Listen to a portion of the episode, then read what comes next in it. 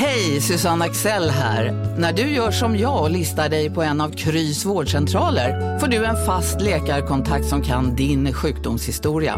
Du får träffa erfarna specialister, tillgång till lättakuten och så kan du chatta med vårdpersonalen. Så gör ditt viktigaste val idag, lista dig hos Kry.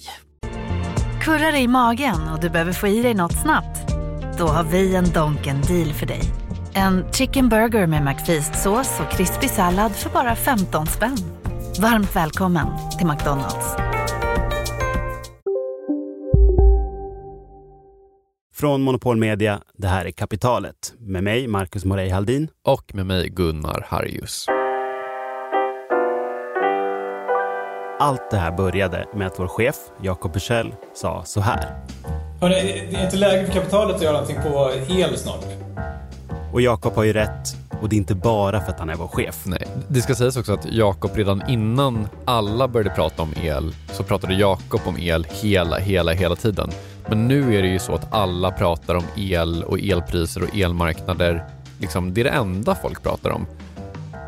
Och jag måste erkänna att jag lite så här, jag, jag skäms över det här, men jag har lite inte orkat sätta mig in i det här. Alltså det verkar helt ärligt bara vara för svårt. Alltså så här, vad har rysk gas med svenska elpriser att göra? Det, jag tog en paus bara från hjärnan där. Men vet du vad? Det är nu jag kommer in och är, jag ska inte säga en hjälte, men en hjälte som faktiskt har orkat lära mig det här. Så jag tänkte förklara det här för dig. Gud vad snällt.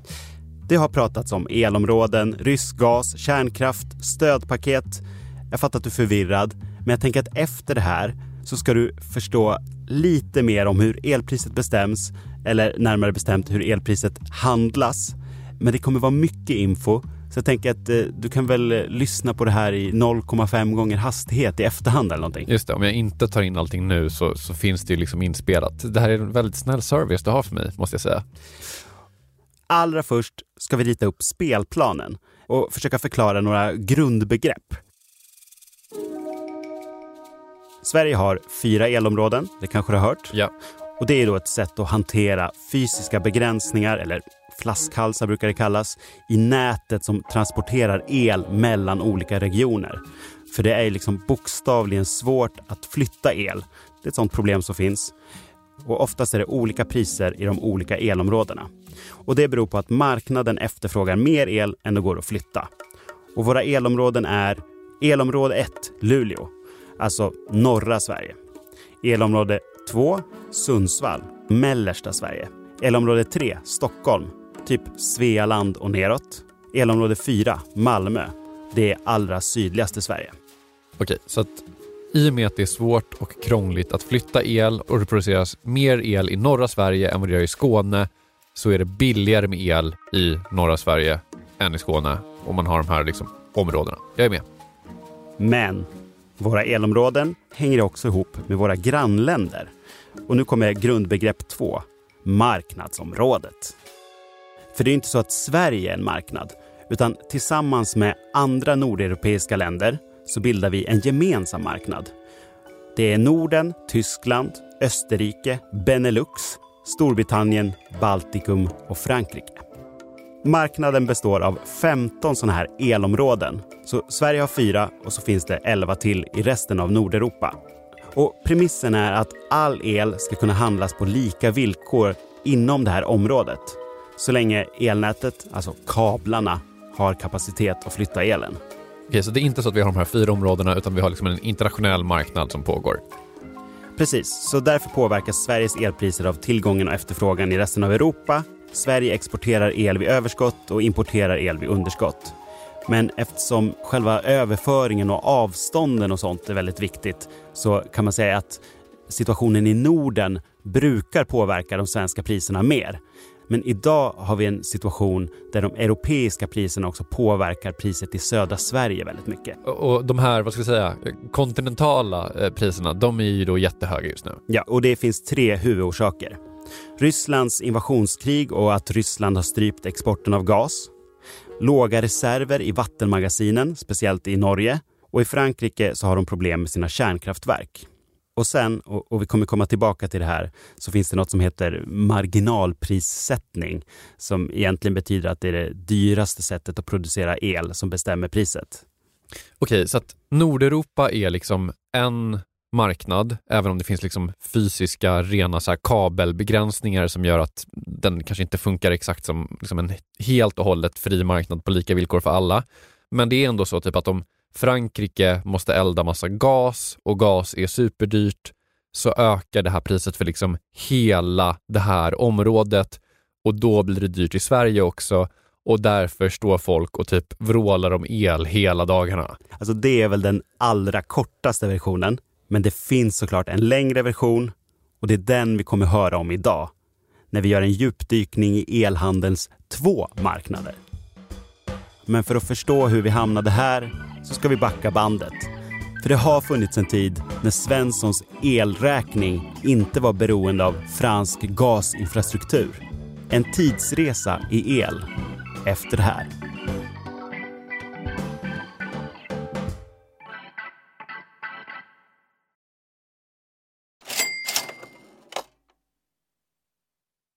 Kapitalet sponsras av SPP och Storebrand Asset Management. Eh, Storebrand och SPP hör ju ihop sedan många år och utan att gå in på några detaljer här och nu så kan vi i alla fall säga att eh, Storebrand förvaltar över 1200 miljarder kronor, bland annat åt just SPP.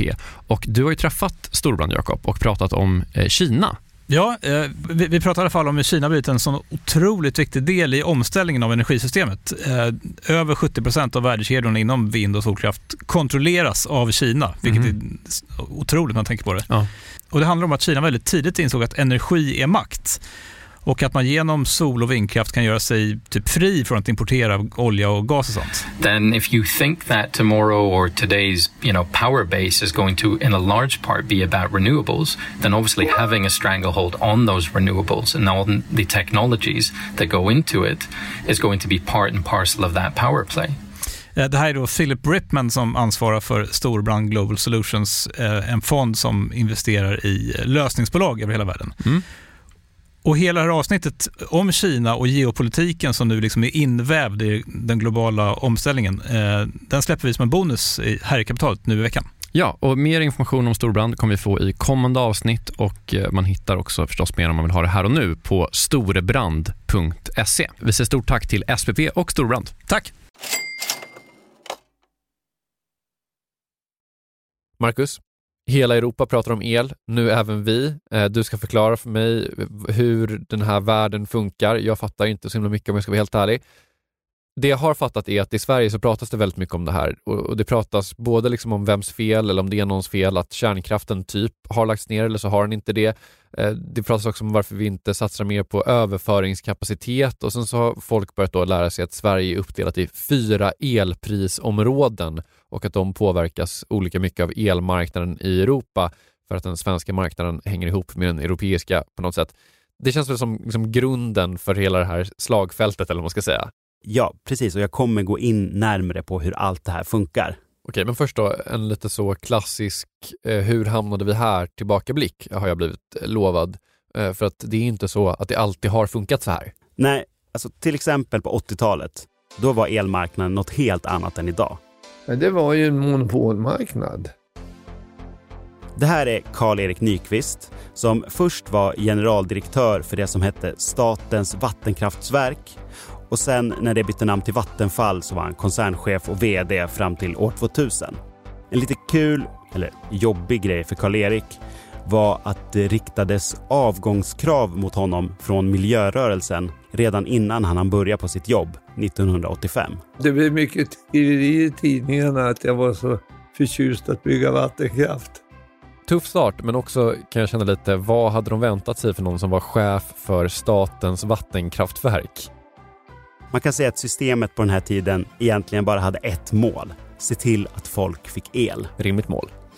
I Sverige fick varje elproducent lämna in en prognos över elbehovet kommande år. Och så skulle man ha en produktionskapacitet som låg 10% över det behovet som fanns. Vi tror att vi behöver 100 el, alltså producerar vi 110 el. Det låter väldigt, väldigt tryggt och stabilt. Marknaden var reglerad på massa andra områden också. Som kund kunde du till exempel inte välja elavtal eller elbolag utan du fick ta det bolaget som hade ditt område. Det var ju ett annat Sverige. Telefonerna var väl till exempel reglerade. Jag tror att Ulf Adelsson typ fick böter för att han importerade en trådlös telefon någon gång. Eller det var något sånt där. Ja, skitsamma. Ja, men den tidens Sverige. Även om elmarknaden liksom inte var direkt, helt och hållet statligt styrd. Det var inte reglerat att någon myndighet styrde över oss eh, utan det var helt enkelt så att var och en satte sina priser, dels på produktion, dels för överföring. Och eh, det innebar ju ändå att vi hade en ganska likartad prisnivå över hela Sverige. Okej, så att då kostade el typ lika mycket över hela landet trots att man inte fick välja någonting överhuvudtaget. Men liksom hur sattes priset? Alla elproducenter de satte elpriset med hänsyn till något som kallas kostnadsnivåerna. Och kostnadsnivåerna är dels då byggkostnaden, alltså vad det kostar att bygga ett ja. kraftverk och sen bränslekostnaden man hade. Och vad det gäller vattenkraft så var det inte mycket till bränslekostnad utan det var mest anläggningskostnad. Vad kostar det att ha folk som jobbade där? Okej, men om vi liksom gjorde för mycket el, kunde man skicka det till typ andra länder då? Eller var det liksom bara så här, nej, då rinner det ut i Sverige på något sätt? Ja, men det fanns ett visst utbyte ändå och hade funnits jättelänge. Men alla de här länderna var mer eller mindre självförsörjande så att utbytet som skedde var lite mer grädde på moset när det fanns el över på vissa ställen och priset bestämdes direkt mellan de här olika bolagen. Här måste jag bara spela upp en bit från en film som Vattenfall gjorde på 80-talet som handlar om den här handeln som ändå fanns. Och det gör jag mest bara för att det är så härligt 80-tals soundtrack. Rent praktiskt går det till så att om till exempel Danmark, ett rent värmekraftproducerande land, får en topp i elanvändningen. Istället för att starta egna kraftverk, som ofta är dyra att dra igång, så vänder man sig till exempel till kraftkontroll hos Vattenfall och diskuterar pris och kvantitet varefter överföringen sker. Det var i alla fall ingen, eh, ingen brist på saxofoner på 80-talet, får man väl lov att säga. Eh, men okej, här börjar man ju tänka, det här låter ju som att det funkar väldigt bra. För bra? Frågetecken. I och med att marknaden sen kommer att förändras. Alltså, enligt en artikel som Svenska Dagbladet publicerade häromdagen så fanns det ändå problem. En annan elveteran, en, en tidigare vd för ett kraftbolag, han sa att kraftbolagen byggde lite guldpläterat. Alltså de byggde mer produktionskapacitet än det som behövdes. Slös. Dessutom så fick ju liksom kunderna betala för att det inte fanns någon press för att minska kostnaderna för driften eller underhållet. Det var ju ändå ett monopol, så att liksom, om jag bor i Nyköping så fanns det bara en menar, Nyköpings el och de kanske inte hade asstarka instrument att liksom pressa priserna. Är det det man menar? Exakt, och i den här artikeln så står det också att det fanns missnöje inom industrin. De var liksom fast hos en specifik leverantör. Systemet för att transportera el var dåligt utbyggt så att även om man ville så kunde man inte köpa billigare el från typ Norge eller sälja sin överskottsel till någon. Jag fattar.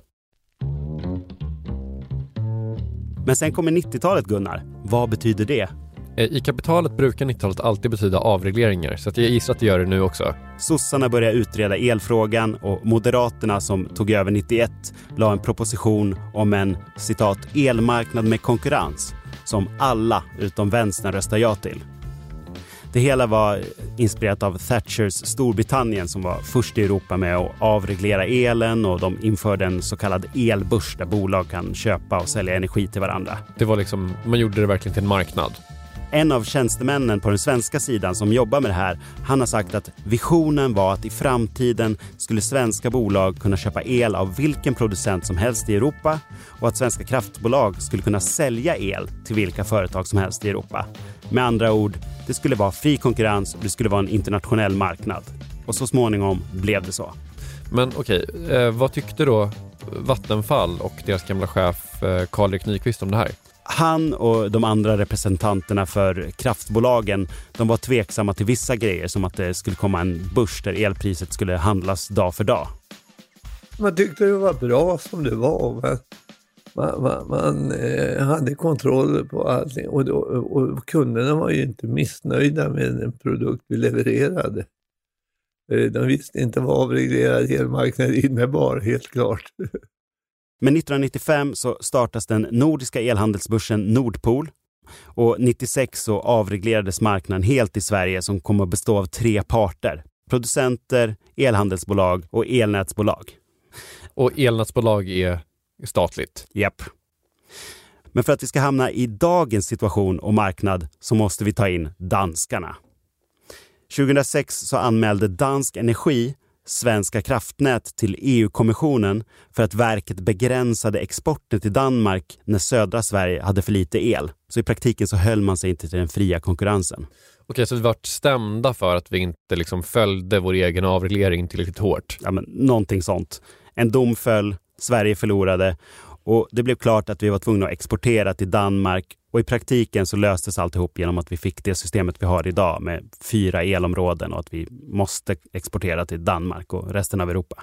Och det är då det här då som gjort att vi har de här jättestora elprisvariationerna som alla skriker om nu? Ja, men till exempel i november 2021 så var elpriset under ett tag 15 gånger dyrare i Skåne än i norr. Det är ändå stor skillnad. Men de stämningsglada danskarna är inte den enda anledningen till att det ser ut som det gör idag. Mer exakt hur elpriset bestäms och handlas är en intrikat väv med två marknader. Exakt hur det funkar efter det här.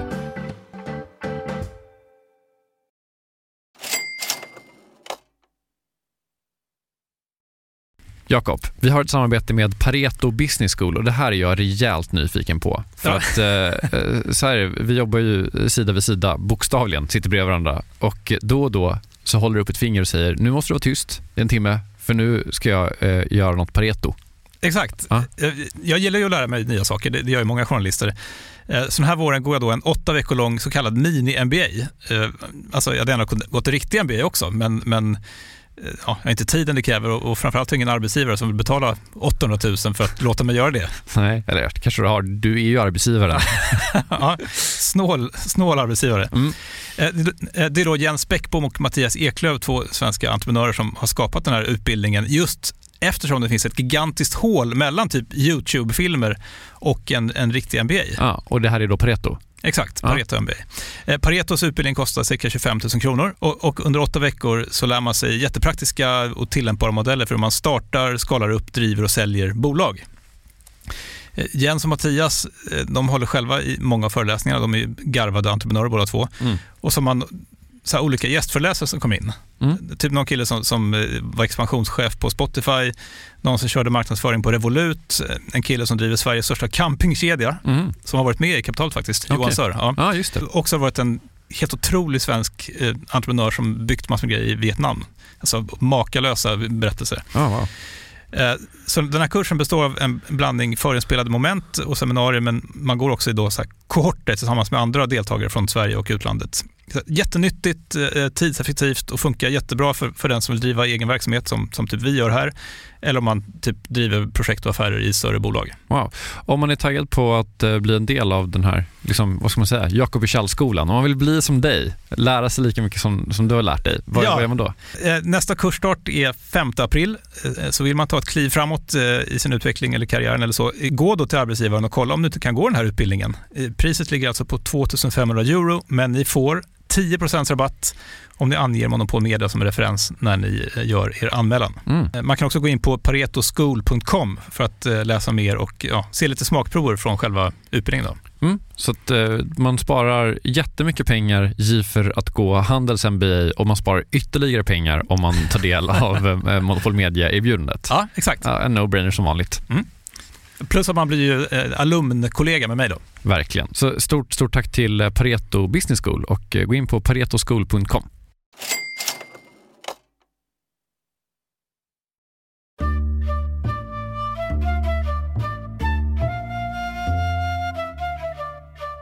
På 80-talet så var den svenska elmarknaden reglerad eh, och även om Sverige hade kablar ut i Norden med någon slags liksom utbytestanke så var det mer eller mindre en nationell svensk marknad.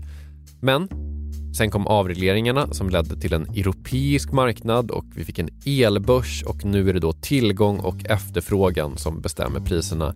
Och det är ju då inte bara den svenska tillgången och den svenska efterfrågan utan det är ju lite rörigt det här.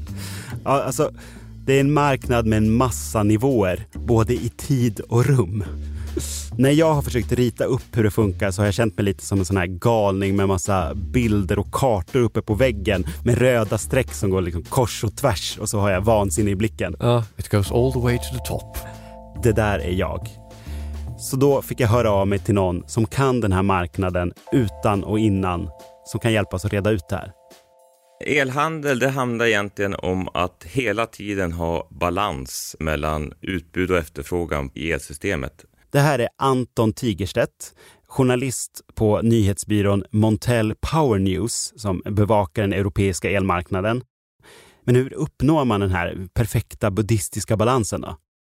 Det måste ske på sekundnivå, att det ska vara balans. Och det gör eh, elmarknaden lite speciell, vilket gör att man behöver ha väldigt många nivåer på handeln. Allt från finansiell handel på flera år ner till eh, frekvens och balansmarknader som är på några sekunder.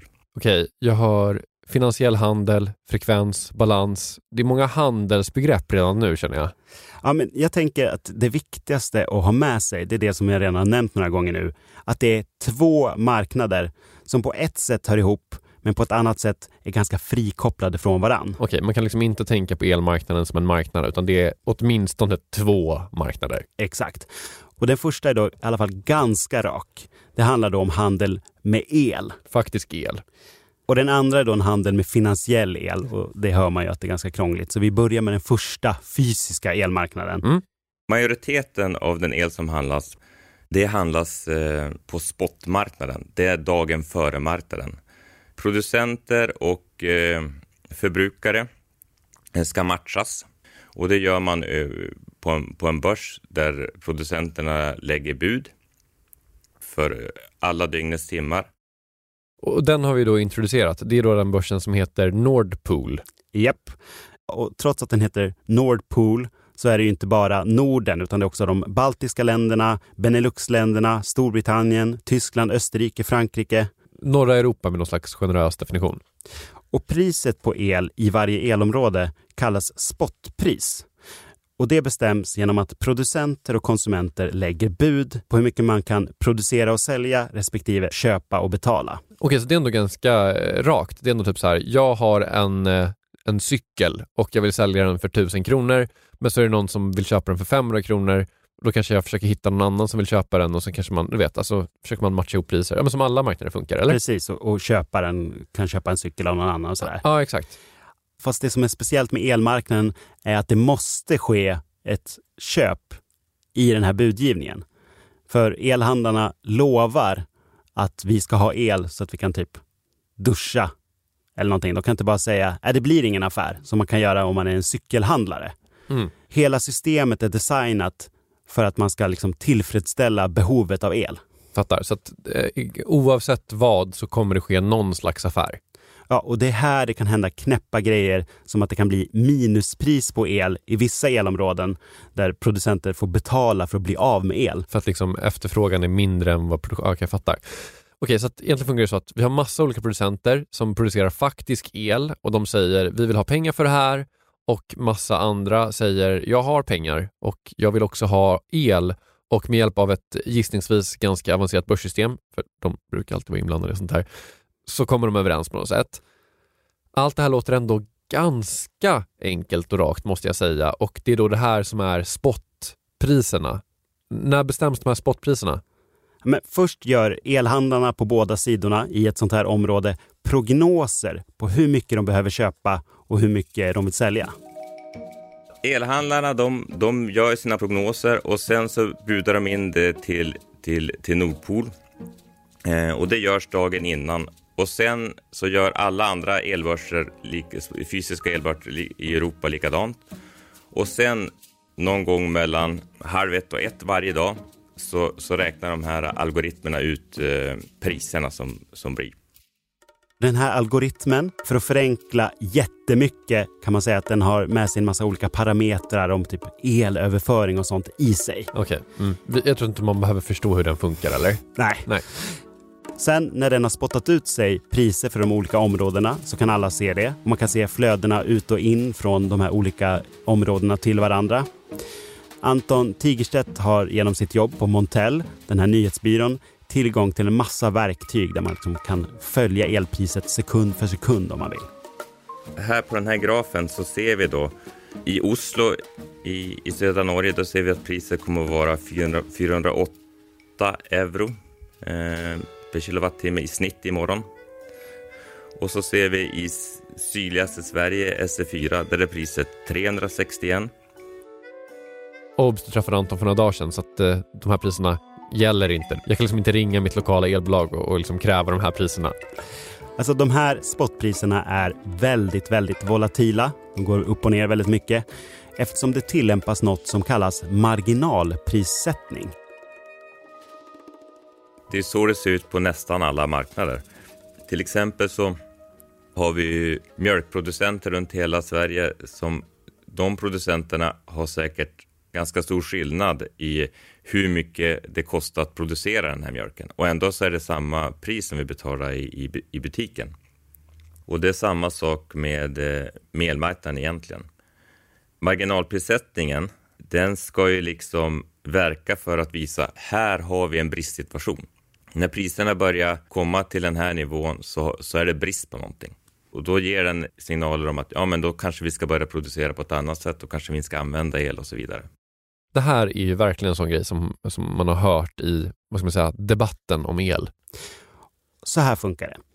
För att det alltid ska finnas el, systemet är ju designat så, så är det det dyraste sättet att producera el som kommer användas i varje elområde som sätter det pris som alla får betalt och som alla får betala.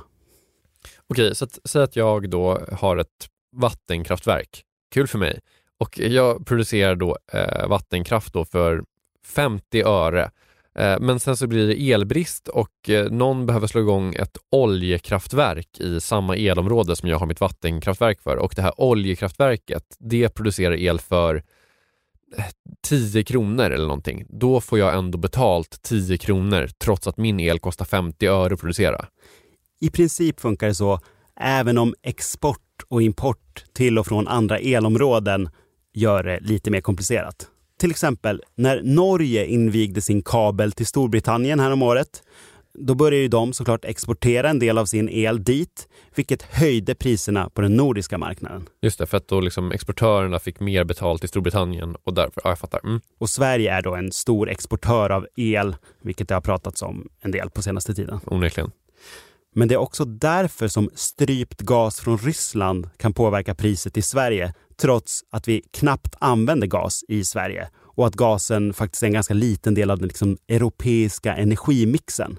Men så länge den används någonstans så kommer gaskraftverken att sätta priset. Kraftverken ska ju buda in sin produktion på, på marknaden. Och då Tidigare när gasen kostade 20 euro per megawattimme, då kunde de kanske bjuda in det för, jag vet inte, 40 säger vi. Nu kostar den istället 120 och då, då får de liksom höja sina bud på marknaden för att det ska vara lönsamt för dem att producera. Okej, vänta nu här. Om vi bara tar det jävligt lugnt här. Nu har jag sålt mitt vattenkraftverk och jag har istället köpt ett gaskraftverk. Och för mig då så kostar det 120 euro per megawattimme som man också mäter gas, liksom, liksom priser i. Det kostar mig 120 euro att köpa in gas och därför måste jag då sälja för 140 euro för att göra någon slags vinst, säger vi. I och med det så sätter jag då priserna för typ hela Europa. Är vi helt säkra på att det här med marginalprissättning är en jätte, jättebra idé? Alltså, jag fattar vad du menar. Men motargumentet är då att om man inte skulle göra på det här sättet så skulle man ju kunna få elbrist. För då skulle man typ bestämma att elen kostar 40 och så kostar det 140 för gasgänget att producera. Då skulle ju inte de buda in, för då skulle de gå med, med förlust. Det som skulle hända då är ju att då, då har man inte tillräckligt med produktion den timmen. Så det är ju risken.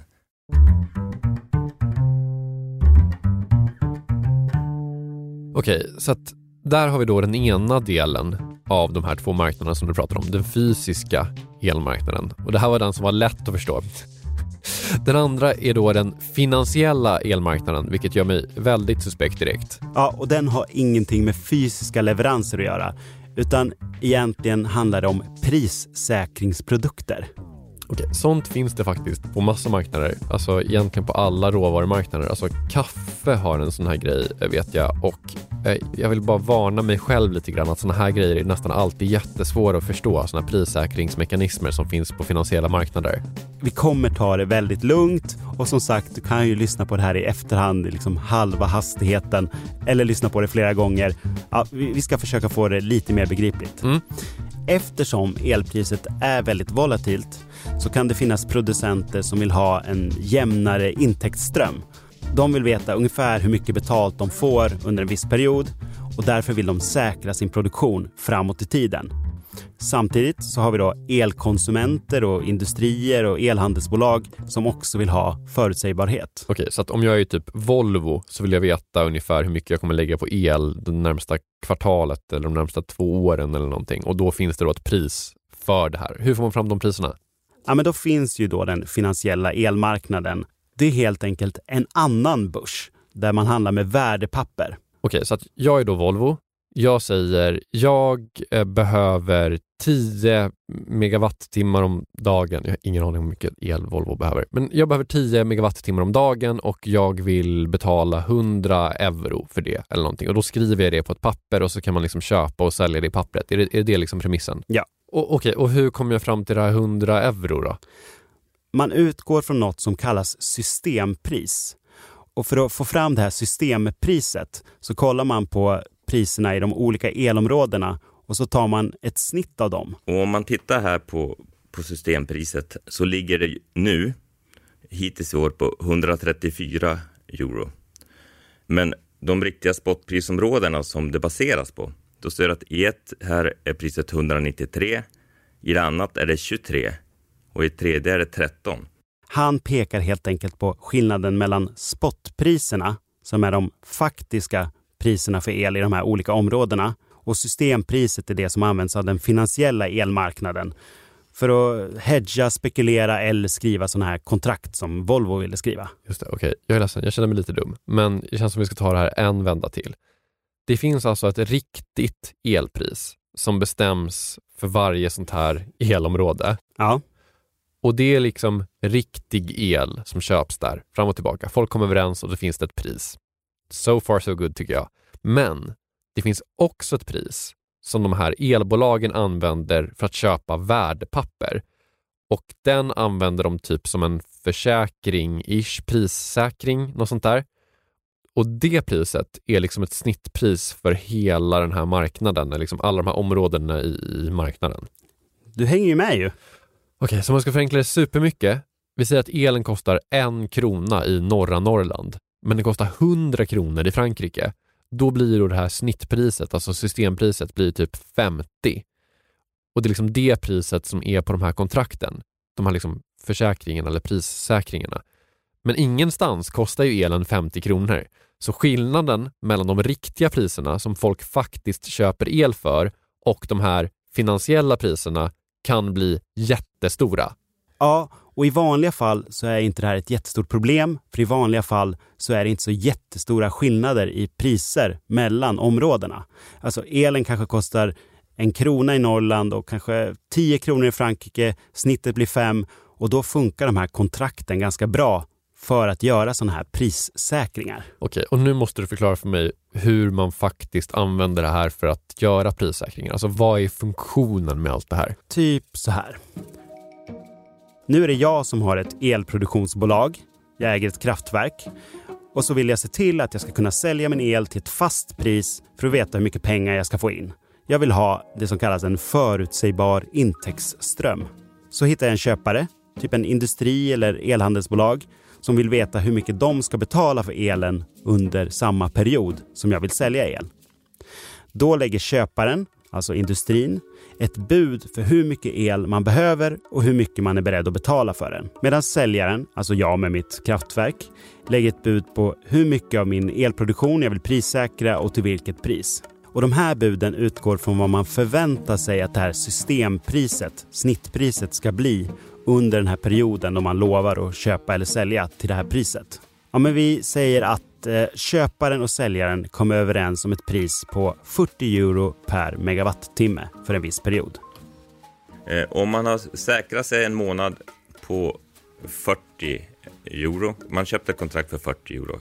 Eh, och sen blir eh, systempriset 50 euro.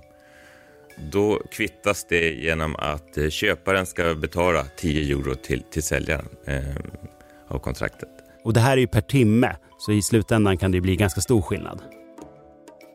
Men om man verkligen ska förenkla det så handlar det om att både producenter och konsumenter gör olika bets på vilket elpris man förväntar sig och man gör det på olika sätt för att säkra pengaflödet. Fattar. Så om jag, med mitt kraftverk, tänker att priset ska bli 40 men så visar det sig att det blir 50 så förlorar jag pengar på mitt kontrakt. För att du har gjort fel bett liksom? Japp, men jag vinner pengar när jag faktiskt producerar min el och säljer den för 50 på den riktiga elmarknaden där jag har en helt annan motpart. Just det, för nu måste man hålla i huvudet här att det här är två olika marknader. Okej, så du har gjort ett bett på att priset ska vara typ 40. Det vart 50, så du har förlorat bettet, men du kan sälja för 50 och då tjänar du pengar där. Så det är liksom lite det du förlorar på gungorna vinner du på karusellerna.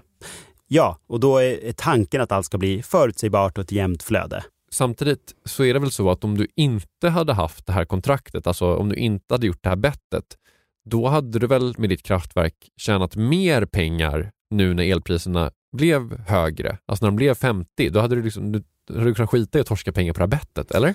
Alltså, så är det, men det funkar ju åt andra hållet också. Så om priset sjunker till jag vet inte, 30, då förlorar jag pengar på den riktiga fysiska elmarknaden eh, där jag säljer min el. Men jag vinner på den här hittepå finansiella marknaden. Så det är som en slags försäkring. Det är som att gardera sig genom att sätta ett kryss två på liksom hela stryktipskupongen. Typ. Ja, men precis som när det gäller Stryktipset så kan det kosta väldigt mycket att försäkra sig åt flera olika håll. Väldigt mycket. Har man ingått ett sånt här kontrakt så eh, kräver börsen att man ska klara sina marginalkrav och det gör man för att eh, den som är på andra sidan ska inte ha någon motpartsrisk. Om man säkrar priset på 40 och så sticker priset iväg på kontraktet till 400 då blir det extremt mycket pengar som man måste ligga ute till eh, i, i den här motpartsrisken, marginalkraven. Och det kan skapa kassaflödesutmaningar för, och likviditetsproblem för många aktörer. Marginalkrav är då en säkerhet som bolagen måste ligga ute med till själva börserna. Alltså det är ett sätt för de här bolagen att visa att jag lovar, jag har pengarna ifall allt går åt helvete. Och det är inte lite pengar som vissa av de här bolagen måste ligga ute med. Till exempel så hade vi nu Fortum som för några veckor sedan gick ut med att för sin nordiska affär så behövde de ligga ute med 5 miljarder euro i, i sådana här marginalkrav. Det blir extrema eh, belopp när priserna sticker iväg så här mycket. I många fall så kommer de få tillbaka pengarna när elen väl levereras, men de måste ligga ute med enorma summor. Alltså summor som de kanske inte alltid har.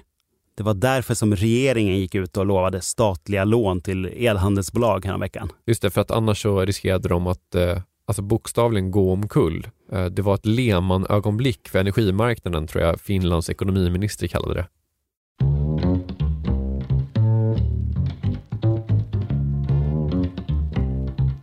Vi kan summera det så här. Alla har problem nu för att systempriset på den finansiella marknaden och spotpriset på den riktiga elmarknaden ligger jättelångt ifrån varandra just nu. Men du, tillåt mig komma med ett radikalt förslag. Kan man inte lösa ganska mycket genom att, jag vet inte, göra Sverige till ett elprisområde eller liksom göra Sverige till typ en marknad bara? Problemet då är att det blir, marknaden är för liten. Eh, du får ingen likviditet, du får ingen omsättning eh, och du kommer ha jättesvårt att, hitta köpare och säljare. Men när vi ser sådana enorma skillnader mellan de här olika i pris, vilket vi inte kanske såg tidigare, så, så blir det ohållbart skulle jag säga nästan för, för, för, en, eh, för en finansiell marknad. Så nu försöker politiker på EU-nivå att på något sätt komma fram till åtminstone tillfälliga lösningar. Och ett förslag är att frikoppla gaspriset från elpriset. Ja, men typ att bryta ut gaspriserna så att de blir en egen grej. Så att de här dyra gaspriserna inte ska påverka elpriset så mycket. Mm -hmm. Andra vill att Norge, som nu är en stor leverantör av gas, ska sätta ett pristak på sin gasexport. Och alla de här politiska diskussionerna, även om inget är klart, så påverkar de redan nu priserna på långa kontrakt. Alltså priset för att köpa el på lång sikt på den här finansiella marknaden. Anton Tigerstedt visade mig ännu en graf på snittpriset för årslånga kontrakt mellan producent och konsument.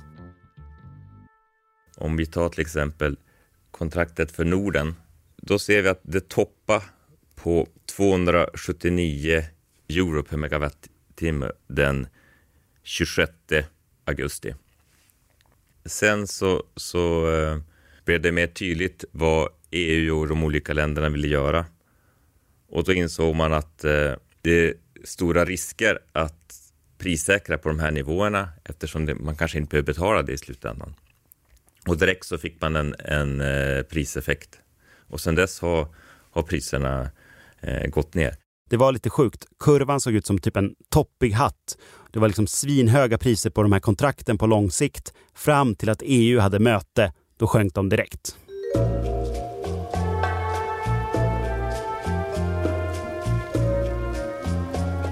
Okej, så för att sammanfatta. Det finns två stycken elmarknader.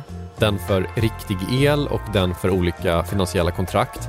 Och skillnaderna mellan priserna på dem som har att göra med allt från geopolitik till franska kärnkraftverk som måste fixas gör att eh, det är kaos. Olika elbolag har tomt i kassorna och eh, det känns i alla fall som att olika privatpersoner måste typ sälja sina hus. Ja, och om man ska ta fram en spåkula för att se vad som kommer hända nu med marknaden så är det ganska grumligt. Ingen vet hur det kommer utveckla sig. Det man kan säga är att det pågår ju arbete för att eh, göra sig oberoende av rysk gas. Och det är klart att det arbetet kommer att accelerera.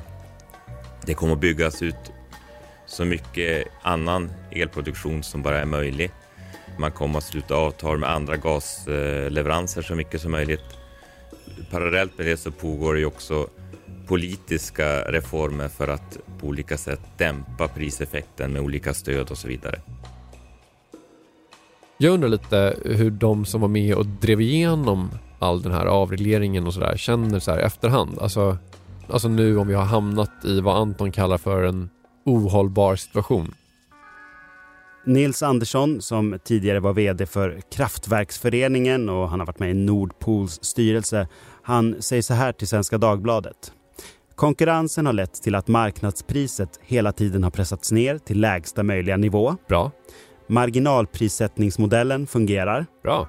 Men ingen har tänkt på att vi måste ha tillräcklig produktionskapacitet. Nej. Det var verkligen en miss, sa Nils Andersson till Svenskan. Medan Karl-Erik Nyqvist, eh, Vattenfalls förra vd som vi hörde tidigare, han säger så här. Det är alltid bra som det är. och därför var det viss tveksamhet. Men här var det ju regeringen som tog initiativ och, och, och träffade avtalet. Och då var vi inne i så här, karusellen så att säga. och då var det bara bra. Jag vill säga att det varit bra. Okej, han har ändå varit med länge så att man kanske ska lita på Karl-Erik här. Så systemet kanske inte är perfekt.